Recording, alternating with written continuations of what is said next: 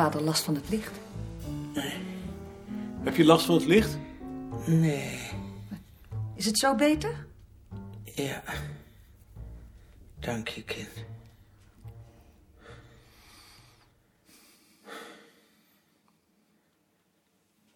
Ah. Het is één grote rotzooi. Wat is een grote rotzooi? Alles. Dat is veel. Hier. Ja, dat is veel.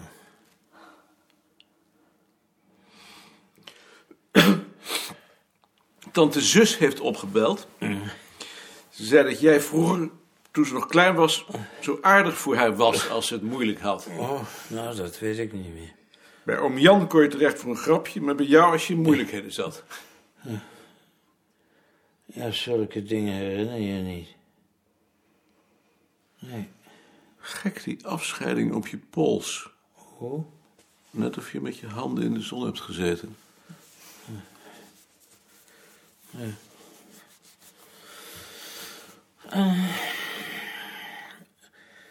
Is er nog wat gebeurd in de wereld? Sam Kalde heeft met een voorzittershamer op een paal geslagen en toen kwam er vuurwerk uit. Dat zal wel een grapje van Roel geweest zijn.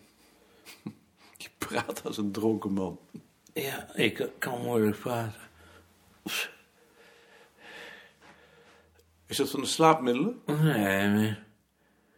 Mijn... eh, kom. Mijn sp eh, spraakspieren, die... willen niet meer.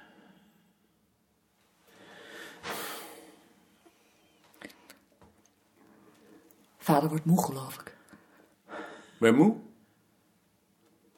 Als een hond, jongen. Wil je dat we weggaan? Nee.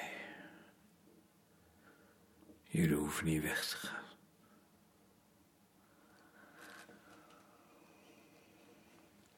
Heb jij in de tijd eigenlijk ook met een gebroken geweertje gelopen? Ja, ja, dat, dat heb ik ook gedragen. Maar dat was eh, heel eh, kort. Omdat je zo de pest hebt aan pacifisten? Toen niet.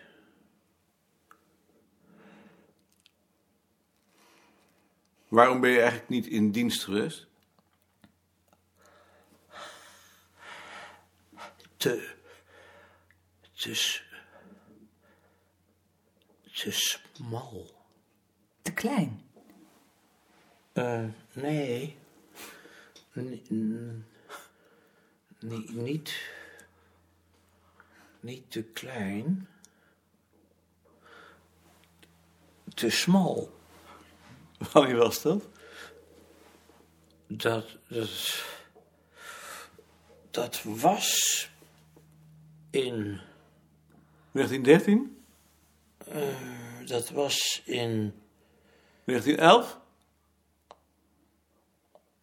Dat was. In. eh, Hier is uw thee, meneer Koning. We komen u zo opwrijven. u doet mij. Zal ik je helpen? Nee. Kan ik zelf nog wel.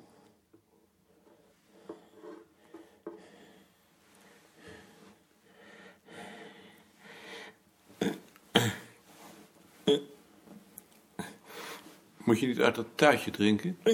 Nee.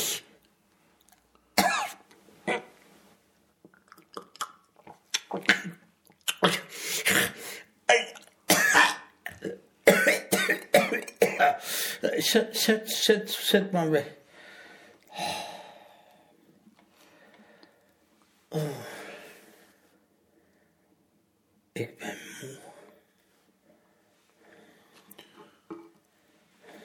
gaan we nu maar weg? Nee. Ik vind het pre prettig als jullie blijven. Dag, jongen. Dag.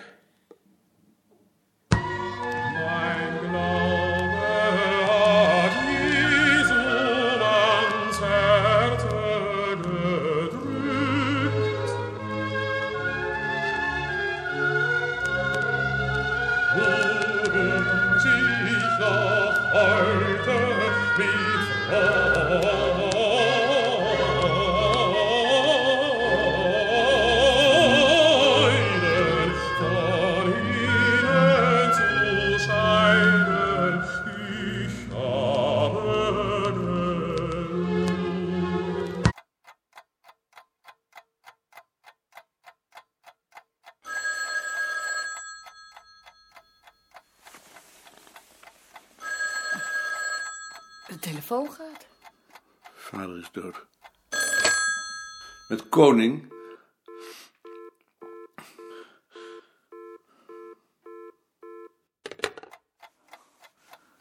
Was het verkeerd verbonden? Hij was al neergelegd. Wat doe je?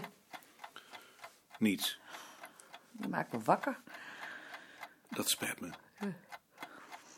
Waarom maak je me dan wakker als het je spijt? Ik leg even mijn trui klaar. Je trui klaar? Stil nou maar. Ga nou maar slapen. Waarom leg je in godsnaam je trui klaar? Voor als de politie komt. De politie. Waarom zou de politie komen? Als vader dood is. Ga nou maar slapen. De politie. Lijkt soms wel alsof je niet goed bij je hoofd bent. Wat wou je dan doen? Als de politie komt. Er naartoe natuurlijk. Midden in de nacht. Ja.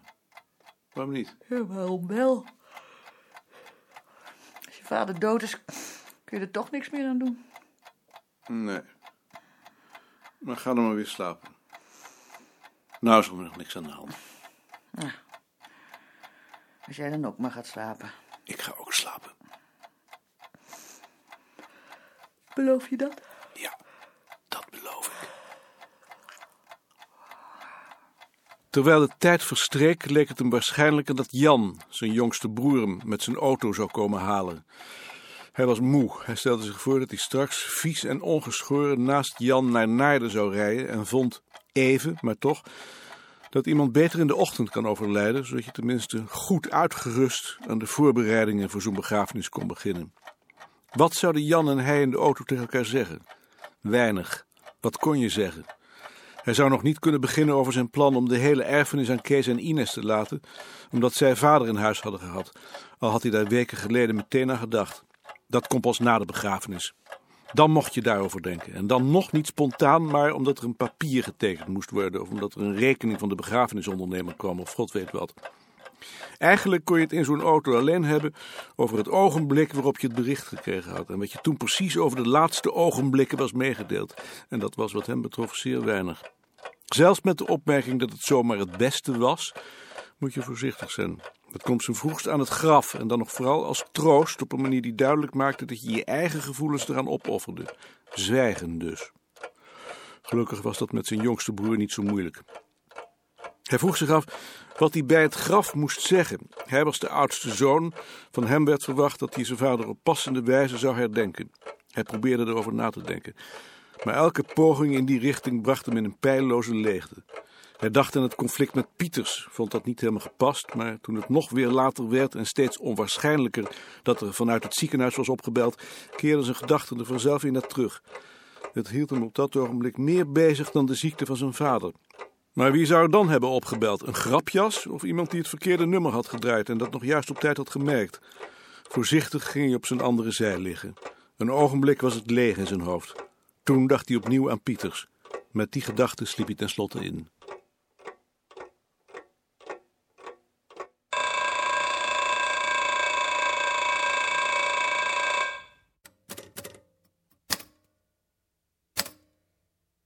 Hoe is het vrijdag afgelopen? Of wil je daar straks pas over praten? Ik wou daar bij de tweede koffie over vergaderen. Pieters heeft al zijn concessies weer ingetrokken en is gewoon opnieuw begonnen. Daar was ik al bang voor. Dat heb ik voorspeld. En wat ben je nu van plan te doen? Ik ga de commissie voorstellen om eruit te stappen. Dat, dat zul je toch eerst met ons moeten overleggen. Dat ga ik ook met jullie overleggen. Want ik weet niet of ik me daarmee wel zou kunnen verenigen, gezien de consequenties die dat voor ons kan hebben. Dag Maarten. Dag, Dag Bart. En? Hoe was het, vrijdag?